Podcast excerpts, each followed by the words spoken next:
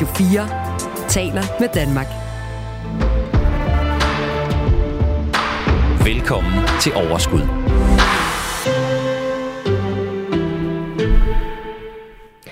En skilsmisse er desværre noget, der kan ramme øh, langt de fleste af os.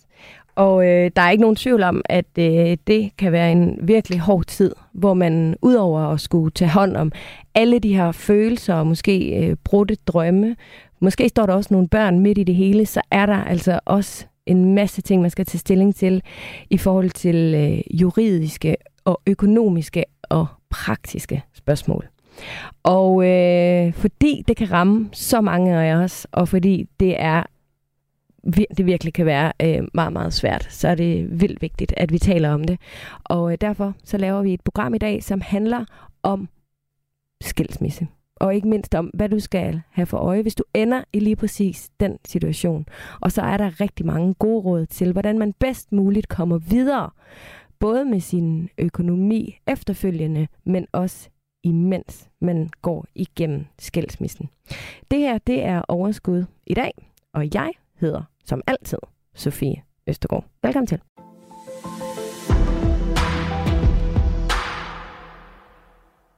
I 2021 der er endt 12.454 danske ægteskaber i en skilsmisse. Og øh, jeg tænker, at det er øh, et virkelig øh, højt tal. Det tænker du måske også. Men det svarer faktisk, og nu siger jeg kun, og det kan også øh, lyde virkelig øh, fjollet, men det svarer faktisk kun til en skilsmisseprocent på 41 øh, ifølge Danmarks øh, statistik. Og det er faktisk lavere, end det har været tidligere. For vi skal ikke længere tilbage til perioden 2013-16, hvor det endte, øh, hvor det med det gennemsnit på 51,76 procent, altså over halvdelen af ægteskaberne, der endte i en skilsmisse. Så øh, det sker for de fleste af os, som er gift i hvert fald. Øh, og til at hjælpe os igennem skilsmisseprocessen i dag, der har jeg heldigvis øh, nogle øh, faglige eksperter, nogle kloge, gode, nogle virkelig øh, skarpe folk øh, med her i studiet. Øhm, og øh, først og fremmest, så vil jeg gerne byde velkommen til dig, Nikolaj Christensen. Du er direktør og indehaver af finan- øh, og finansiel rådgiver i pengerådgivning. Ja, tak. Har du lidt pres, når jeg præsenterer dig som en meget, meget, meget klog ekspert? ja, jeg ved ikke, hvor, hvor klog jeg er, men øh, det lyder da fint. Men det er du, fordi du var her øh, faktisk sidste år, hvor mm. vi lavede nogle fremragende programmer om lån. Og øh, der kvalificerede du dig simpelthen til, til at komme igen. At komme igen. så, så jeg ved, at det er du, øh, Nikolaj. Velkommen til. Tak. I er jo en uvildig bank og øh, ja, boligrådgivning også. Mm. Øh, det kan man tænke, det ligger måske en lille smule fra øh, skilsmisser. Ja. Men hvor ofte rådgiver I i forbindelse med skilsmisser? Jamen det gør vi faktisk øh, en del, som du selv siger, så er der jo mange, der, der står i, i en ny økonomisk situation i, i den her forbindelse. Og, øh, og der, er der, der er der mange, der har brug for ligesom at finde hoved og hale i, hvordan står jeg økonomisk, nu når jeg ikke længere er en del af, af et fællesskab, men hvor jeg så skal, skal ud og stå alene. Mm. Og der, jeg synes, der er noget, vi skal slå fast her, fordi en skilsmisse kræver vel ret beset, at man er gift. Det er en skilsmisse er, at man har været gift, og man ikke længere skal være gift. Men lad os lige slå fast, mm. at hvis man har levet i et parforhold, og ikke været gift, ja. så kan det være lige så besværligt at blive skilt økonomisk. Altså, jo. eller ikke at blive skilt, men at gå fra hinanden. Altså, der er jo lige så mange ting, for du har jo også en bolig, og du har jo alt muligt andet fælles øh, sammen. Ja, altså øh, mit arbejde øh, minder meget om hinanden, uanset om man har været gift eller man har været samlever. Ja. Øh, fordi det er nemlig, at man bryder økonomierne op og skal, skal dele det i, i to. Ja. Mm. Så hvis man sidder derude og tænker, det her program behøver overhovedet ikke lytte til, fordi jeg er ikke gift. Mm. Jeg er bare, øh, bor, bor bare sammen med min partner. Så er der altså rigtig god grund til øh, at lytte videre, fordi det her, det er jo en økonomisk udfordring ligegyldigt, hvordan der er bare forskellige måder måske at gøre det på, og regler, øh, øh, man skal bruge. Ikke? Ja. Men lad os lige prøve at slå fast. Øh, som udgangspunkt, så har man fælles økonomi, øh, hvis man i hvert fald er gift. Og hvis man er gift, hvad betyder det så? Jamen, øh, for et økonomisk synspunkt, så øh, når du øh, erhverver dig en, en bolig, eller vælger at, at gå ind i noget økonomisk, når man er gift, så ser banken altid på dig som en enhed. De kigger simpelthen på husstandsindkomsten og, og beregner, hvordan er det, man kan sidde i, i boligen ud for to økonomier. Øh, når man så bliver, bliver skilt, jamen så, øh, så står man lige pludselig og skal have splittet den her enhed i, i to, Og, øh, og det kan simpelthen være udfordrende, fordi at man er blevet godkendt som en enhed. Mm. Og kigger de anderledes på øh, et par, der ikke er gift? Nej, det er fuldstændig det samme. Okay. Mm. Øhm, men der er jo også nogle, altså mens man er gift, så er der nogle økonomiske fordele. Der er noget fradrag, som ægtefælden kan benytte sig af, og forskellige ting, hvis det er, ikke? Uh, altså man kan sige, som udgangspunkt, så øh, når man er debitor på, øh, på en gæld, jamen så, øh, så er man jo, får man jo rentefradragene øh, fra de her lån, og det er jo, det er jo fordelen ved at, at optage gælden sammen, så der er ikke sådan på den måde den helt store forskel, øh, hvad det angår. Mm-hmm. Hvilken betydning kan sådan en skilsmisse have for økonomien? Jamen det kan jo både være positivt og negativt, og man kan sige, når vi sidder her i dag, så er det jo for at belyse de her situationer, hvor, øh, hvor man skal være opmærksom. Hvor er det, man, hvad, er, hvad er det for nogle faldgrupper, man kan, man kan stå komme til at stå inde i? Fordi der er jo, øh, det kan jo lige pludselig betyde, at øh, man har været gift i mange år, og faktisk overhovedet ikke øh, haft fokus på sin økonomi, fordi man har lavet sin øh, partner stå for den del, typisk i en familie, som vi ser det, jamen så er der øh, en økonomiminister, som, øh, som ligesom har hovedet til den i parts øh, økonomi, og så er der måske en anden en, der står for vasketøj og indkøb og børnepasning og hentning. Og, altså, der, man, man, får, man er god i sådan en familie til at fordele roller, Øhm, og en af de ting, som vi ser, der er den største udfordring, det er faktisk, at man bare den ene af parterne lader lad økonomien øh, ligge over til den anden. Mm. Og så når man så står på den anden side, jamen, så er man nærmest helt på bare bund og skal starte forfra. Ja, og det giver jo mega god mening, at man, når man indtræder i et parforhold, eller i et eller andet form for team, at man uddelegerer tingene til der, hvor vi er bedst. Ja. Der er jo ingen grund til, at øh, det er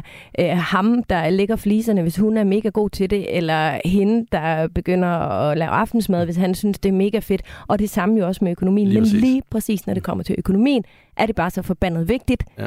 at alle har åbne øjne omkring det, og er med til øh, at tage beslutningerne. Er det noget af det, som I, når I, du ved, når I rådgiver øh, familier øh, økonomisk, inden et skilsmisse, altså hvor alt er fryd og gammel, og mm. de har det dejligt. Er det noget, du kan, er det noget I kan finde på at, at, minde folk om, hvis det er, at I hele tiden har, I taler med Ole, og I ved, at øh, der sidder også en Louise, men hun er aldrig på banen, eller... Ja, altså vi har faktisk et princip hos os, at man kan ikke få rådgivning som par, uden at vi på en eller anden måde sikrer, at begge parter er indforstået og ved, hvad der foregår i rådgivningen, og er blevet oplyst om de valg, der er blevet truffet øh, omkring økonomien. Og det er sgu meget sejt. Mm. Nå, jamen øh, Nikolaj, velkommen til i hvert fald. Det er dejligt, at du er her. Øh, vi skal tale med nogle øh, kloge kvinder også, som er med på linjen. Og så vil jeg gerne lige sige til alle, at hvis jeg lyder som en, der øh, har ligget syg med influenza i en uges tid, og stadig er fyldt med snot i hele hovedet, eventuelt hoster en gang imellem, så er det fuldstændig rigtigt. Fordi det er der, vi er.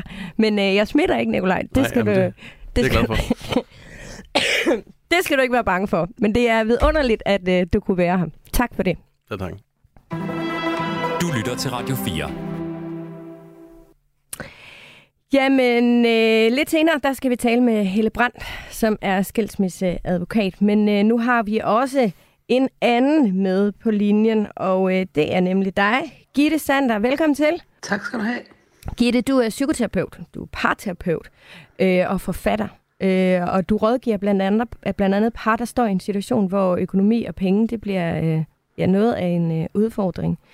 Øhm, Gitte, jeg kunne godt tænke mig øh, at lige starte der, hvor Nikolaj og jeg måske lige var det her med, hvor god er vi som par, øh, inden, inden vi beslutter os for, at vi ikke skal være par længere? Hvor god er vi så til at, at tale om økonomien? Der er rigtig mange af de par, som jeg har inde i parterapi, som der tager, har et eller andet form for økonomi og tager det op som et emne. Ikke også? Altså hvor, der, hvor en del af det, de kan have svært ved at tale om, eller en del af det, de kan have konflikter omkring, det også handler om økonomi. Så på den måde, som man sige, at økonomi fylder i hvert fald i et parforhold.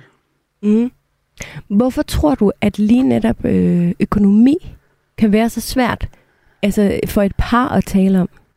Det hænger jo sammen med, hvis jeg, hvis jeg skal, altså i virkeligheden så starter det med, at øh, man forelsker sig i hinanden, og til den forelskelse, kan du sige, så er der jo en masse håb og drømme, der knytter sig.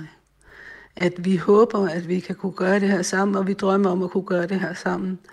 Og når man er nyforelsket, så tænker man, jamen det kommer helt af sig selv, fordi hvis bare vi to vi er sammen, så kan vi alt, ikke? Og så når der går et par år hen i forhold, så kommer realismen, og så kommer der også de begrænsninger, der er i, når det bliver mere realistisk. Det vil sige, at tingene opstår ikke af sig selv. Og man finder ud af, at man er mere forskellig, end man måske har troet i starten. Og der kan man jo være meget forskellige økonomisk set. Altså man kan have en forskellig baggrund, man kan også have en forskellig øh, hvad hedder det, personligheds, altså karaktertræk, ikke også? Øhm, man er opdraget forskelligt. Altså vi finder jo typisk sammen sådan meget øh, samme sociale klasser. Og der kan være noget, der er let i det, vi kan, at der kan man have en forståelse for, hvordan den anden agerer økonomisk. Men derfor kan man godt alligevel komme fra hver sin verden i forhold til, altså for eksempel kan der jo, altså det I beskriver med, hvor der var en mand og en kvinde, altså hvor den ene måske stod for økonomien, øh, altså det er det, som jeg vil kalde en strammer og en slapper.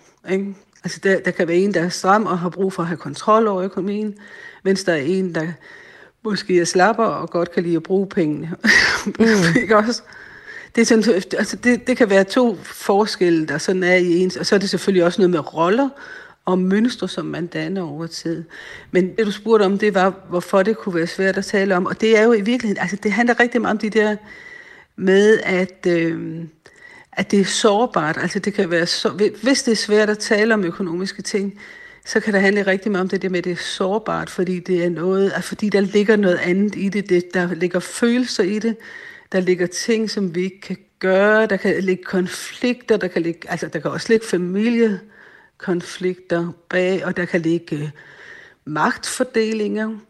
Altså, øh, det, hvis den ene tjener det firedobbelte af den anden, ikke også? Og altså, der, der, der er sådan, der kan også ligge, øh, altså håndtering af livet generelt, altså at den ene øh, simpelthen bruger pengene på spil, eller drikker dem op, eller bruger dem på kokain, eller, eller investerer dem, fejlinvesterer dem, eller går konkurs med sit firma. Sådan, altså, der er jo mange ting, der kan ligge ind i den der økonomi. Ja. Så det kan også være en reaktion på noget udefra kommende. Mm. Ja. Men øhm, det her med altså, at tale, eller have svært ved øh, at, at tale om økonomien, er det så sådan noget, hvor, altså, hvor jo bedre økonomien er, jo lettere er det? Eller jo mindre behøver man at forholde sig til det? Eller? Nej, det synes jeg er det samme. Altså fuldstændig det samme. Okay. Fordi altså, selvom man det, altså, i rundtal har røven fuld af penge, altså, så er der jo stadigvæk, altså, øh, selvfølgelig, så vil sige, det, det, selvfølgelig kan man være ekstremt presset. Så hvis du siger for eksempel, at, at øh, du har et firma, der går konkurs, så er hele familien jo ekstremt presset mm. omkring det med at tale om den økonomi, fordi det er altså stress i hjernen simpelthen, fordi at det, risikerer at koste os måske vores hjem. Vi skal måske flytte herfra, børnene kan måske ikke blive i deres skole. Og altså, du ved, alle sådan ting, altså, det gør det selvfølgelig ekstra svært, hvis man er i sådan en situation. Ja. Og tale om det, fordi, fordi man simpelthen ikke er klar i hjernen. Men, øh, men og det må jo sige, svare... At det er det samme, fordi hvis du har hvis du ikke er presset, altså hvis du har alle de penge, du skal have, så, det, kunne du sige, så har du måske en grundlæggende tryghed i livet, men så er det altså mine oplevelser, så kommer der bare nogle øh, andre problemer ind over. Altså så kan der for eksempel være det, det med magtbalancen, og der kan også være kæmpe uenigheder, ikke også? Altså kæmpe uenigheder om, hvilke dispositioner vi så træffer med de penge, vi har. Mm. Og måske, altså i virkeligheden, så nogle gange så oplever os, at hvis folk de har rigtig mange penge, så kommer de til at bruge meget tid på mange penge. Altså, så kan man jo bruge enormt meget tid på at for eksempel tale om, hvad skal vi bruge de penge til? Ja. Hvor, som, hvilket er meget enkelt, hvis man ikke har nogen penge. Det er klart. Altså, fordi der, der har vi måske ikke de penge, og, altså, og hvad hedder det, at skulle diskutere om. Altså, jeg ved ikke, om det er forståeligt, eller det lyder som sådan en anden Jo, jo, skrål, nej, men jeg synes det faktisk, giver god mening. Erfaring. Ja, ja. Altså, men, så, men, du øhm, kan sige, hvis du har rigtig mange penge, jamen, så skal du også tale om, øh, jamen vil vi så tage et halvt år til på en jordomrejse? Det kunne jeg rigtig godt tænke mig. Og den anden siger, at det er jeg altså overhovedet ikke parat til. Jeg skal have nye vinduer. Jeg har ikke lyst til at være hjemme fra, ja. børn, fra børnebørn. For nogen vil det, altså. ja, det... Så selv der er der store spørgsmål, man skal, man skal finde ud af.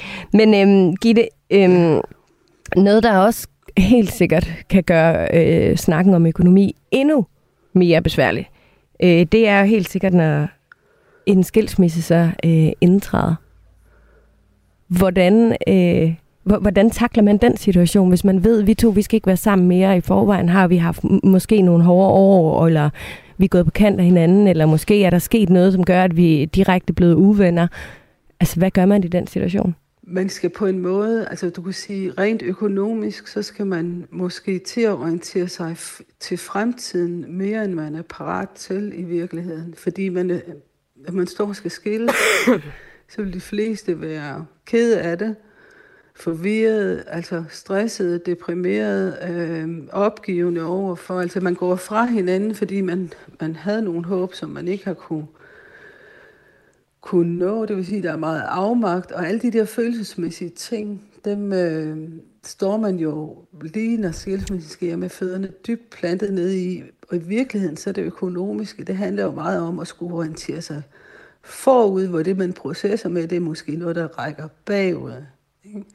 Så det er en del af det, der kan være så svært i dag. Der er vel også forskellige måder at, øh, at, at bearbejde det på, fordi et, det er jo det praktiske med økonomien, og hvordan står jeg efterfølgende. Så er alt det, det følelsesmæssige, hvor at, øh, øh, det er hårdt, og det er en svær tid, man går igennem, når der er børn måske inde i det. Altså jeg tænker sådan, øh, Gitte, er der ikke noget, øh, hvor man kan sådan dele det lidt mere op, hvor man kan sige, det følelsesmæssige, øh, det, det er måske noget, man skal arbejde meget med sådan psykoterapeutisk, eller, eller, eller hvordan ser du det? Helt klart, jo jo, helt sikkert. Altså det er jo ikke, man kan sige, jo, helt klart. At det er, jeg sender jo folk til øh, rådgivning i deres banker og advokater hele tiden, hvis de står og skal skilles, ikke også? Altså fordi det er, fordi det er jo ikke noget, som jeg sidder og rådgiver om det rent, rent økonomiske.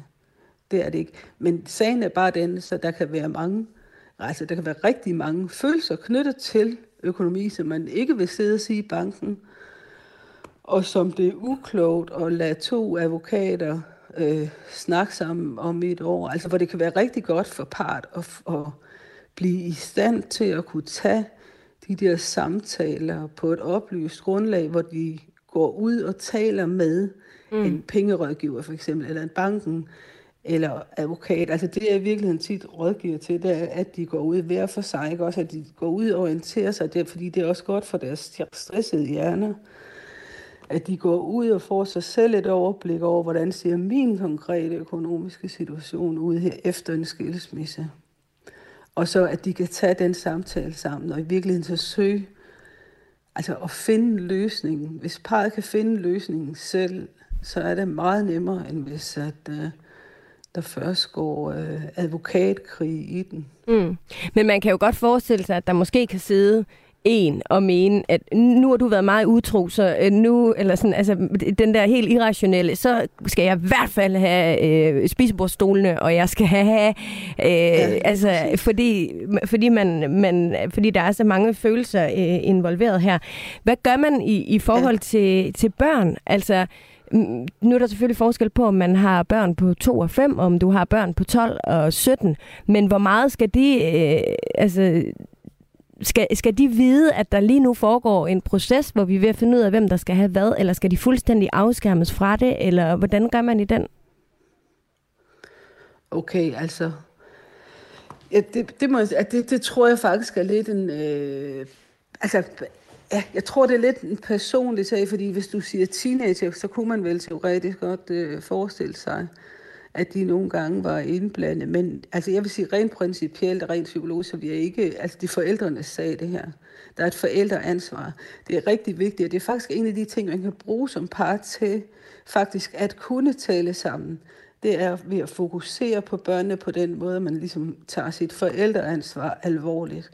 Og det synes jeg måske ikke, det er at begynde at inddrage børnene i, hvordan tingene bliver delt, for eksempel. Altså det synes jeg faktisk er et forældreansvar mm. som man skal tage på sig, og ikke blive til et barn, der ligesom overlader noget der til børnene. Det må man selv tage ansvar for at finde ud af, hvem skal have hvad, ja. og øh, så fortælle børnene, hvordan er det, ikke også? Altså det er sådan, at det kommer til at være sådan her. Selvfølgelig skal man sige, altså når børn de er større, det vil sige over 10 år eller sådan noget, så skal man jo altid have de der samtaler med dem om, og som jo også kan influere på økonomien, kan man sige, men om øh, hvem vil bo hvor for eksempel. Ikke også? Hvor vil du gerne bo henne? Hvordan kan man sikre, at man får øh, som par den her... Øh, hvad skal man gøre for at få den gode samtale om økonomien? Altså, for det første vil jeg sige, at altså det at have et overblik, inden man går ind til samtalen over sin egen økonomi, og hvad det egentlig er, man ønsker, for eksempel. Det er rigtig vigtigt, også fordi hvis man får en dårlig samtale, så er det tit, fordi ens hjerne går i stressmode, og man begynder at frustrere sig på hinanden. Det vil sige, så stille og roligt som muligt man kan være, jo bedre. Så kan man have en samtale face to face, i stedet for at gøre det på sms og e-mail eller via advokater. jeg griner, fordi, men det er bare fordi, det er sådan, det tit ender op, at så sidder man og tekster om det, og så ligger man alt muligt i det, og så bliver det rigtig svært. Så det med at kunne sætte sig ned face to face, og så er det noget med at tage et emne ad gangen. I min bevidsthed, så er det godt at tage, altså man tager en samtale og, og, om så få emner, så du ved godt også, det griber tit ind i hinanden, altså emnerne, når det drejer sig om økonomi.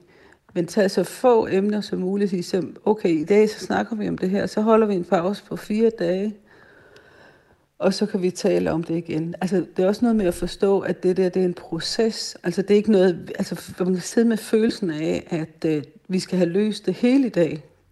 I dag skal jeg simpelthen vide, hvem der skal bo hvor, for eksempel. Men hvis man nu har været sammen i 20 år, så prøv lige at tænke, okay, så kunne man måske godt give nogle uger til at finde ud af, hvem der skal bo hvor, når vi skal skilles, ikke? Og så lige få den til at lande. Og hvad skal man sige? Øh...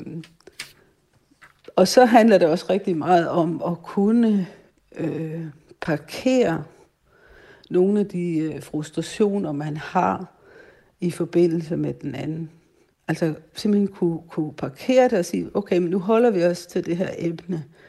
Så selvom jeg er så skidehammerende frustreret over, at dengang du arvede din far, så ville du absolut have særeje over de penge, at det kan jeg måske lige parkere, og så kan vi godt tale om, hvem skal have bilen, øh, eller et eller andet, ikke? altså. Ja, perfekt. Tusind tak skal du have, øh, Gitte Sander, parterapeut og øh, psykoterapeut. Tak fordi du vil være med i dag. Selv tak. Du lytter til Radio 4.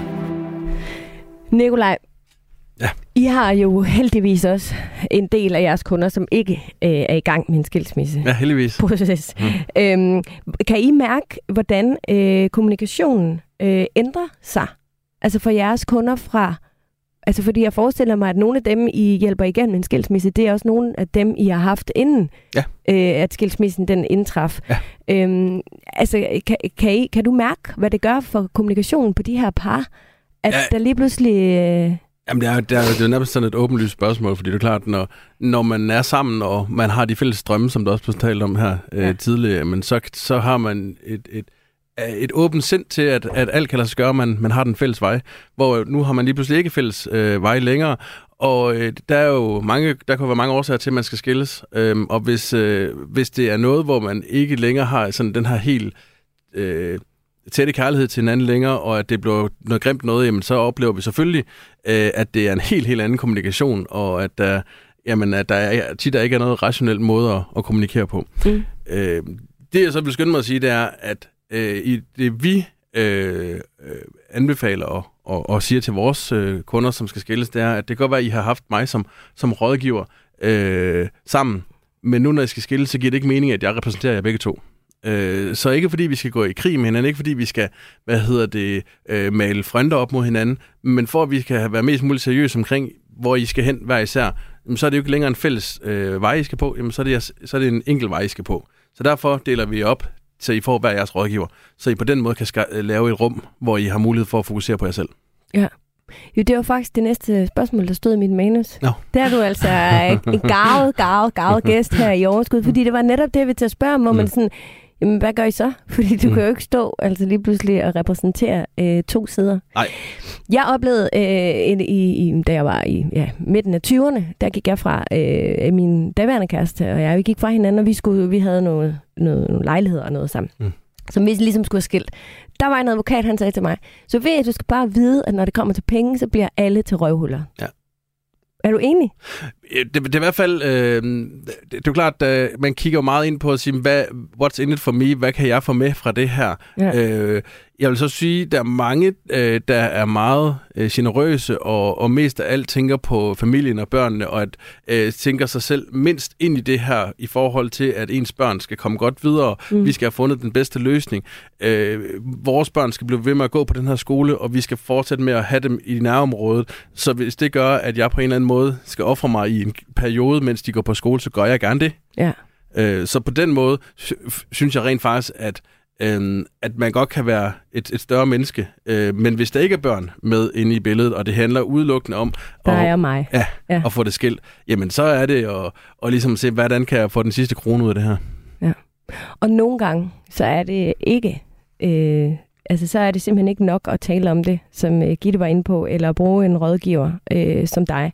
Så skal der altså nogle gange øh, ja, så bliver konflikten altså desværre så stor, at der skal hjælp udefra. Og nu øh, har jeg øh, Helle Brandt med på ja. linjen. Hej Helle. Ja, hej, hej. Hej, hej. Helle, du er til daglig advokat og partner i advokatfirmaet øh, Advokatgruppen, og så er du formand for Danske ja. Familieadvokater. Og for at det ikke skal være løgn, Helle, så er du også retsmailer.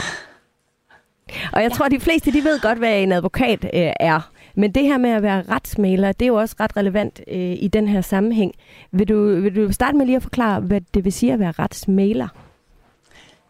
Jamen det er præcis det, som vi lige har talt om. Det er dialog, dialog, dialog. Og en retsmaler, det er, at når man har en, en konflikt, man kan simpelthen bare ikke tale sammen, som, som I var inde på før, at Gitte siger, at det skal man forsøge at gøre, men det er nogle gange, man ikke kan gøre det selv. Jamen, så er det en rigtig god idé at få en mediator det kalder man det også, en retsmæler, mediator, til at, at skabe dialogen imellem folk. Det er simpelthen det, at folk de selv forsøger at finde en løsning på øh, problemerne. Fordi det var det, Gitte sagde før. Det er bedst, hvis man selv føler, at man får ejerskab til den aftale, man indgår. Mm. Så det er egentlig, at man øh, i retssystemet siger, at jeg vil egentlig gerne prøve at tale sammen øh, med modparten. Vil modparten også. Det er en frivillig proces. Man kan sætte sig ned og forsøge at se, om man kan nå en eller anden aftale. Er det en eller anden form for mini-forlig? Mm, ja, det er det jo. Det er dialog.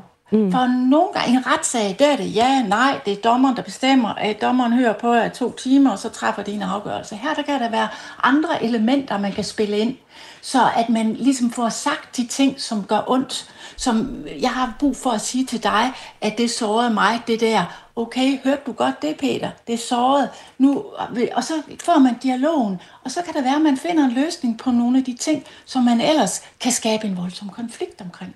Men nu kan jeg godt blive så en lille smule... Er super. For, nu kan jeg godt blive en lille smule... For, der er altså en lille smule, øh, hvad hedder det, forsinkelse på, så det er altså ikke, fordi jeg vil være tavlig og afbryde dig af hende. Ja. Det håber jeg, du ved. øhm, men jeg kan godt blive lidt forvirret nu, fordi det er vel også lidt det, som øh, Gitte laver. Altså med parterapeut. Hvis du også sidder og taler om, hørte du godt, at han blev ked af det her. Øhm, hvor, på, så hvordan adskiller en retsmaler sig? Og hvis du samtidig også vil svare på, hvem er det, der kommer? Altså, hvem tilbyder en retsmæler? Er det noget, man selv går ud og skaffer, og er det noget, man selv betaler for, eller hvordan foregår det? Retsmæling, det ligger, som ordet siger, inde i retten. Det vil sige, alle konflikter, det er såvel erhvervskonflikter som bodelinger, som øh, i skifteretten, øh, alle kan bede om at komme til en retsmaler og få taget den her dialog hvor er det, hvordan løser vi den her konflikt? Det er den her konkrete konflikt, som er en øh, retsmæler kan hjælpe med. Jeg kan ikke gå ind og lave psykologiske øh, og, og, øh, forhold. Det, det, kan, det gør jeg jo ikke. Jeg er bare advokat. Og så har jeg en uddannelse som retsmæler. Det vil sige, skabe dialog imellem folk.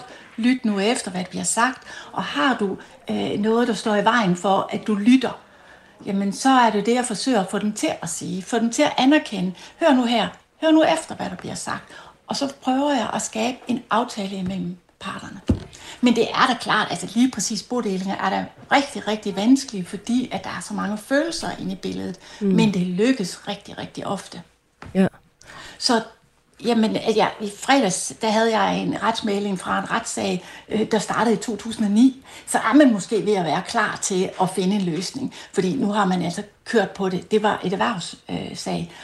Det lykkes rigtig, rigtig ofte. Men det er selvfølgelig sværere, når der er masser af følelser inde i billedet, som det er i bodelinger. Og lad mig lige slå, eller jeg vil gerne have, at du lige slår fast. Man betaler selv for en retsmæler.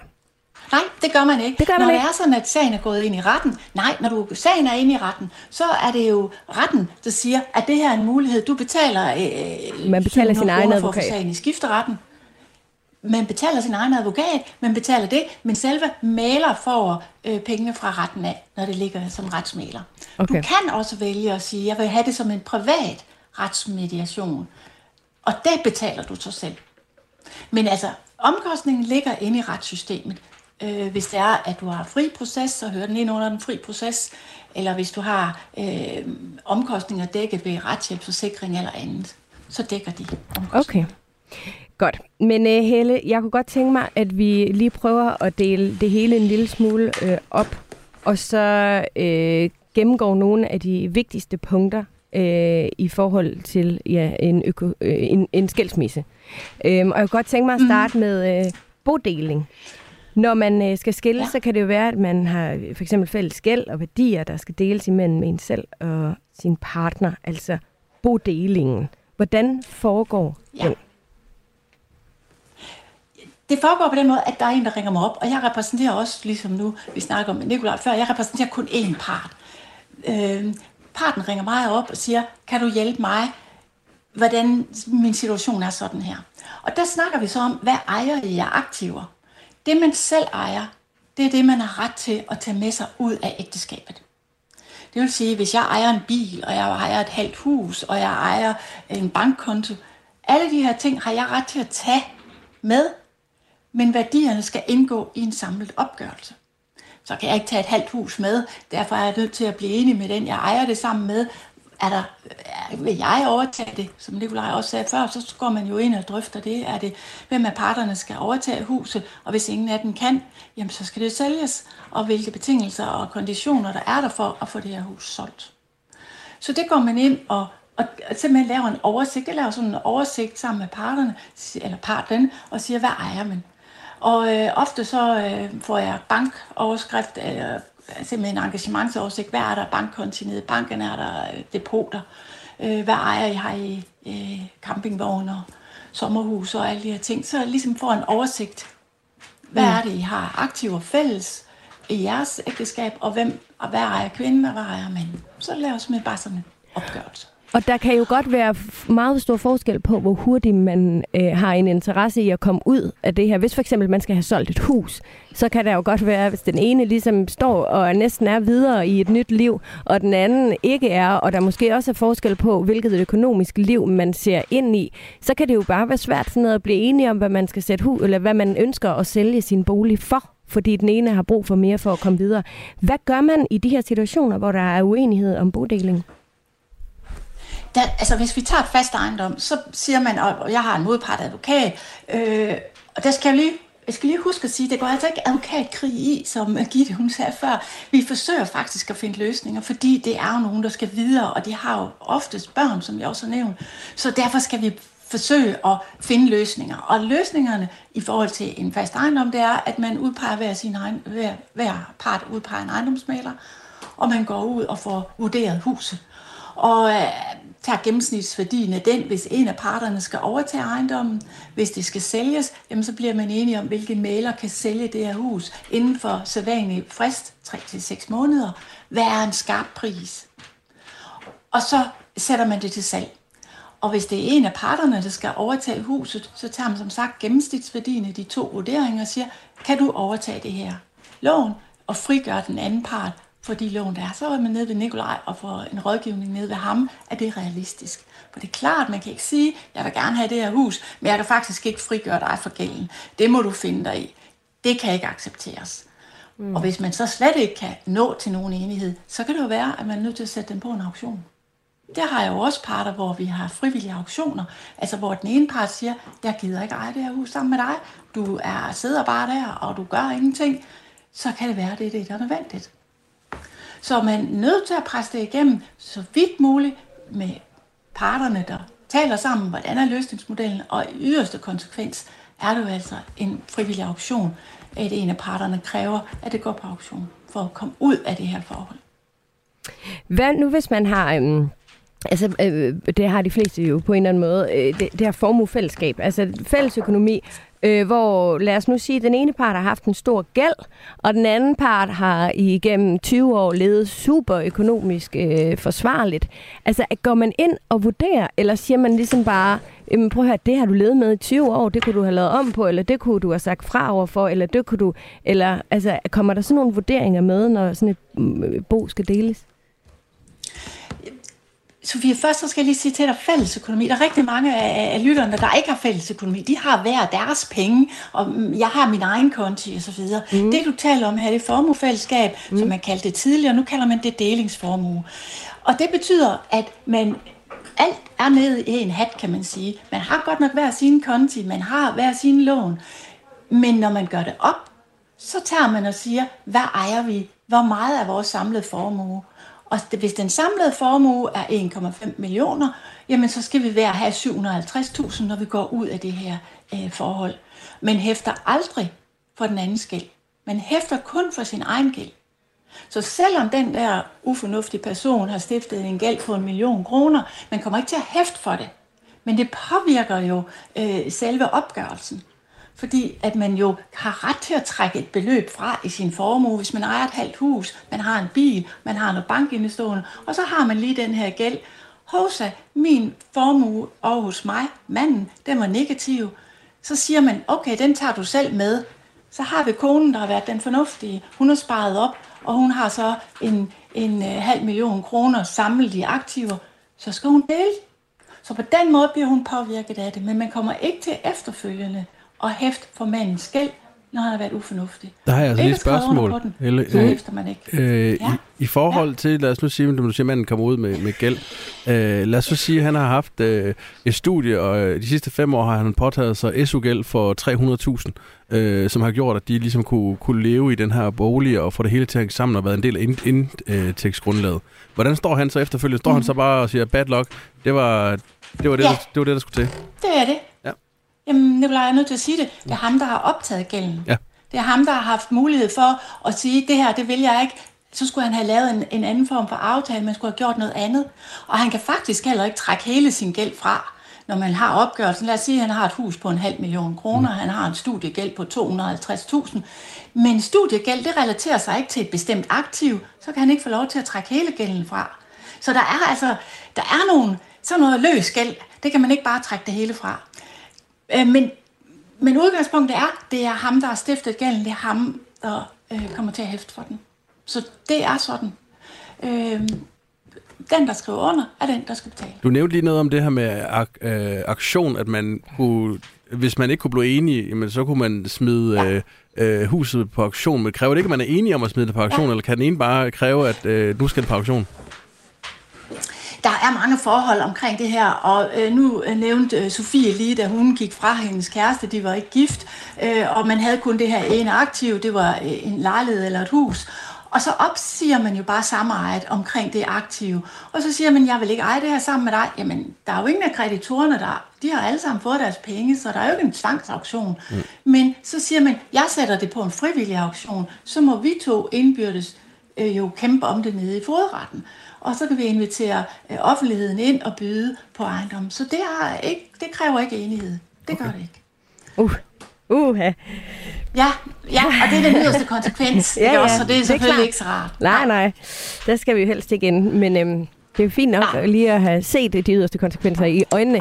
Men øhm, ja. så fortæl mig lige, Helle, så er der jo sådan nogle, øh, nogen vil kalde det for sådan lidt mere øh, småtterier, men for eksempel sådan noget som møbler. Øh, altså, hvis man ikke kan blive enige om den øh, lækre øh, bamsestol, øh, som man havde spinklet og sparet. Jeg synes lige, du sagde småtter, småtteri. Ja, ja.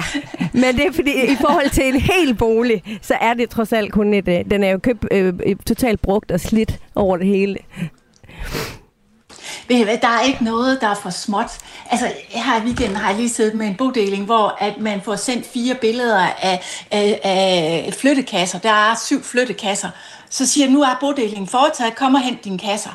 Og så står vi og siger, jamen vi er der i de kasser. Jamen der kan være, der er gammel ravelse og affald, øh, skåret potte og pander det, det, det er nede det niveau, vi snakker om også. Så, mm. så alt skaber konflikt. Når man, man har jo mistet tilliden til hinanden. Ja. Så bodeling, alt, at det du...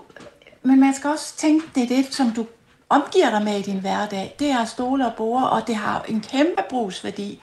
Det kan godt være, at det økonomisk ikke har så stor en værdi, et, et spisebord af, en eller anden, der er bare købt ud i Bilka eller Ikea. Det er ligegyldigt, for det har en kæmpe brugsværdi, og det er dyrt at skulle ud og anskaffe sig igen. Så alting er i spil. Men vær opmærksom på omkostninger, der er forbundet med at, at, at slås om det her. Vær opmærksom på dem kan det bedre betale sig at gå ud og få en IKEA startkasse øh, til dit porcelæn ja. og dine gryder. Jeg tænkte her den anden dag, øhm, da, vi, da vi skulle lave det her program, så gik jeg rundt, eller så, jeg ved, så, så overvejer man jo de her ting, hvor jeg tænkte sådan noget af det, det, det, det, det der vil være helt umuligt for mig at give, øh, give fra mig. Det er sådan noget som min børns første tegning. Altså sådan nogle, som man jo ikke ja. kan gøre op i penge, men de skal sgu da, de skal, dem, kan vi, dem vil vi aldrig kunne dele. Eller der er jo ikke to af sådan nogle ting. Nej, altså. men ved du hvad, det er bare den, der tager det først. Det må man bare sige. altså går du øh, fra... Altså det, det er jo det, fordi hvem, altså, hvis du kommer ned til mig som advokat, så vil jeg sige, nå, og hvad så? Fodretten vil sige, nå, og hvad så? Hvem har ret til dem? Ja. Så må du tage en kopi. Der er ikke noget at ved det. Det er altså, hvis man sådan skal ud i den krigsterminologi, som jeg slet ikke kan lide, mm. men så er det jo noget med den, der tager det først ja. og går. At, fordi det kan være svært, hvis du bliver smidt ud uden din, alle dine personlige ting. Du mister adgangen til det tidligere fælles hjem, fordi alle nøglerne er skiftet.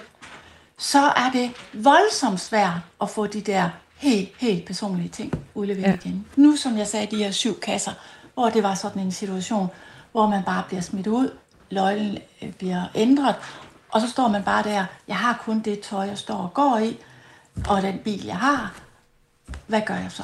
Shit, og det, det er kan gå, virkelig nu det der måneder, ikke? Ja. Det er virkelig vanvittigt. Så det er der, hvor vi er ude, hvor at alt tillid er væk, ja. hvor der virkelig er øh, mistillid og, og, og krig imellem parterne. Og det skulle vi gerne undgå. Og netop ved, at som, som Gitte sagde før, jamen prøv at skabe dialog. Og det er det, som advokater også kan. Det er, mm. at vi kan prøve at sætte tingene i rammer for jer, for, når parterne går fra hinanden og sige, og oftest rådgiver jeg jo en part, uden at den anden ved, at jeg er med. Fordi man netop kan komme på et oplyst grundlag, gå hjem og tale med sin partner, og så sige, øh, hvordan synes du, vi skal gøre her? Så føler man sig mere tryg, og man føler sig ja. sikker. Og det kan godt være, at man troede, man skulle have del i den arv, der var særeje, men det skal du altså ikke. Færdig, væk til højre, kig på de ting, som kan, er muligt, vi skal dele. Det er vel det, den... Øh... Det er den evindelige øvelse om at prøve at sætte sig i en anden sted og sige, okay, det være, at du gerne vil have det, men hvad vil han eller hun måske også? Men, øh, men nu skal du høre, Helle, vi har stadig øh, en del ting, som vi lige skal igennem her. Så øh, hvad, hvad med sådan noget som bare i forhold til, hvem, hvem skal have lov til at blive boende i boligen? Øh, Jamen, der er, ikke nogen, der er ikke nogen regler omkring, hvem der har ret til det. Altså, som jeg sagde før, man kan finde ud af, hvem har råd til at overtage huset, hvis der er nogen af parterne, der skal det. Ellers så er det et spørgsmål om at sige, hvem kan man holde ud, indtil huset bliver solgt.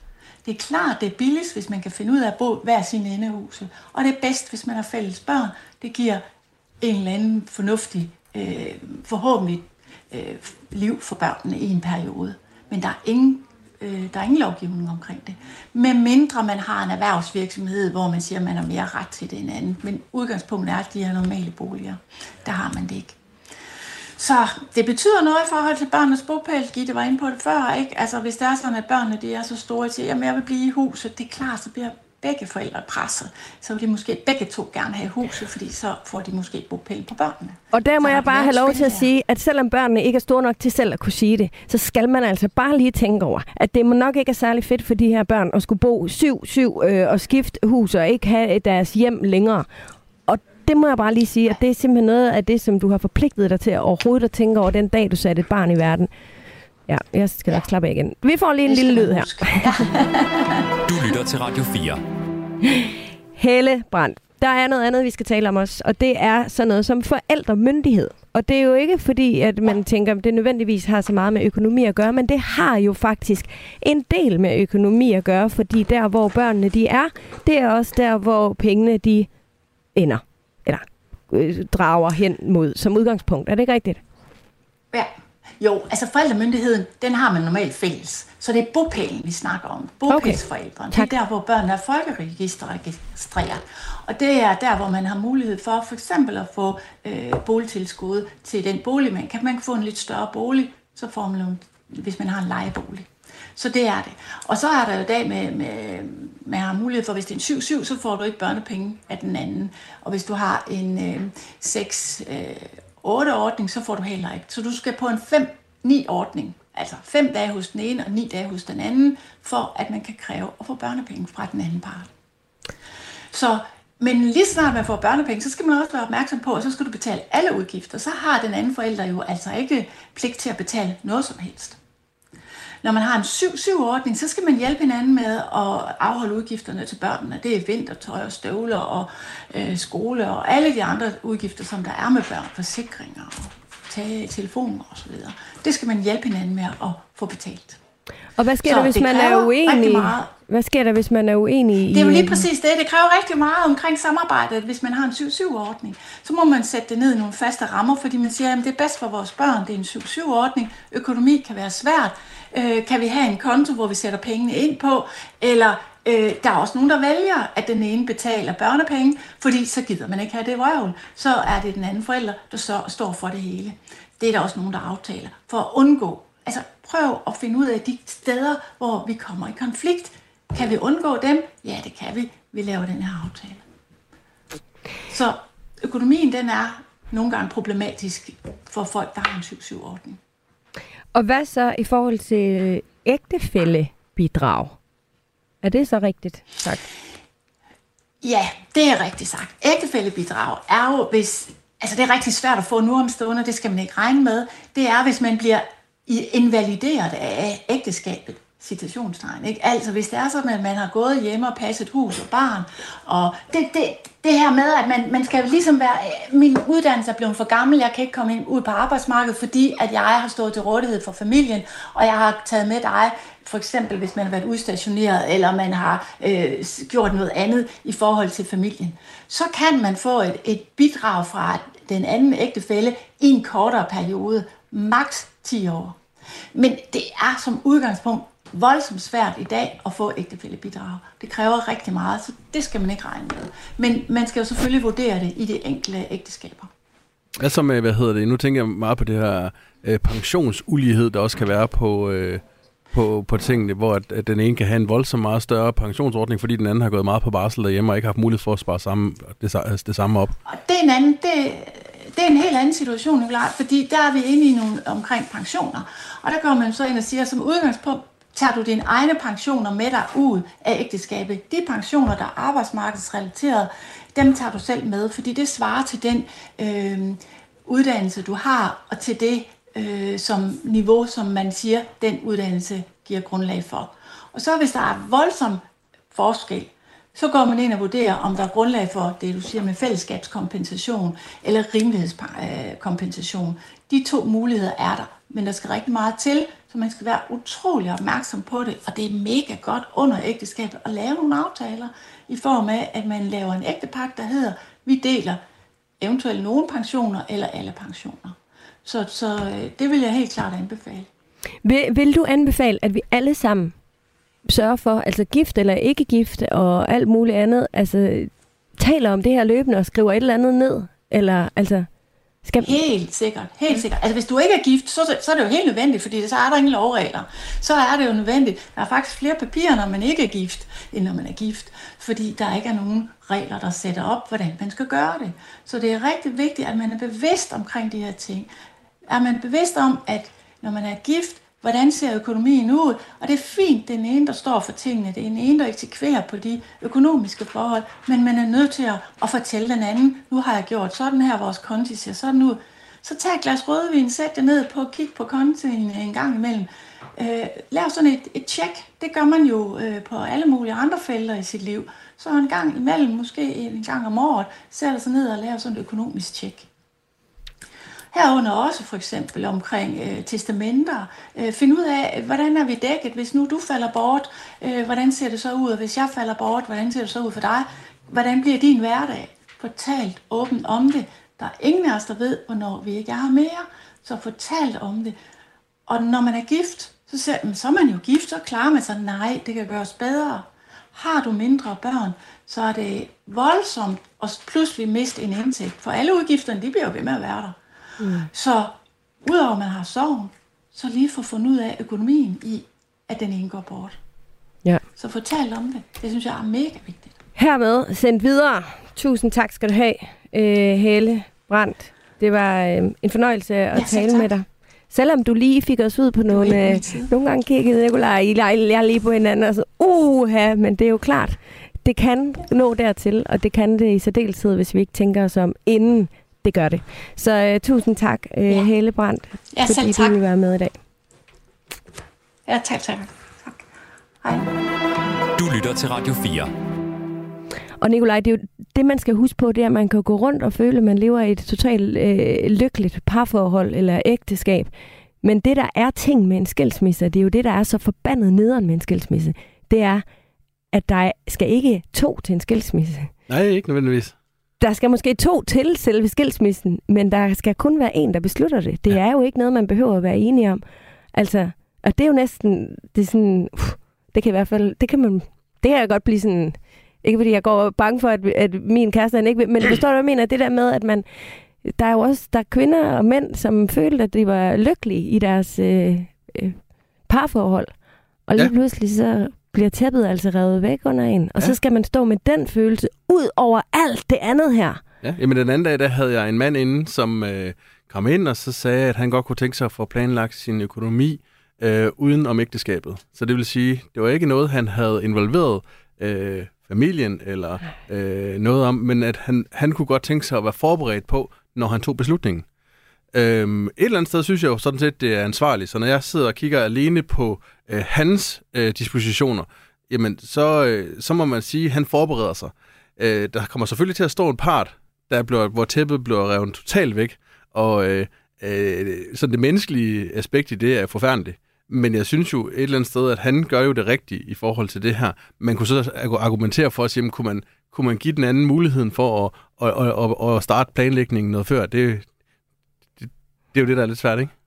Ja, det, det er jo svært. Mm. Men i den situation, så håber jeg fandme også, at du siger til ham, det er fint, vi taler om din økonomi, men har du også overvejet din partners økonomi? Man kan sige, at... Øh, Det gør du ikke. Nej, det gør jeg ikke, fordi man kan sige, at, at, at, at jeg skal være professionel i sådan Ja. en, en situation. Det kan jeg godt forstå. Men jeg tror, det er rigtig godt, du har dit job, og jeg ikke har det. Men det er jo så fint.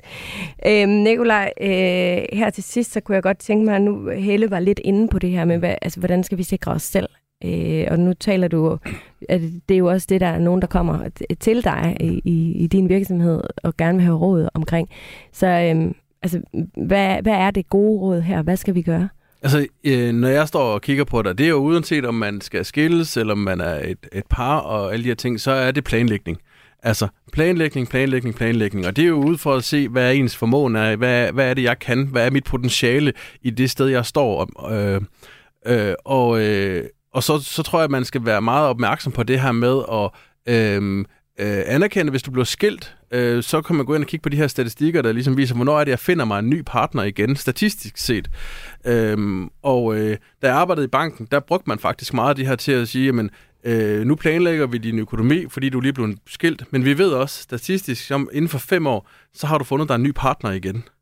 Som er så meget en partner, man vil dele økonomien igen? Ja. Ja, okay.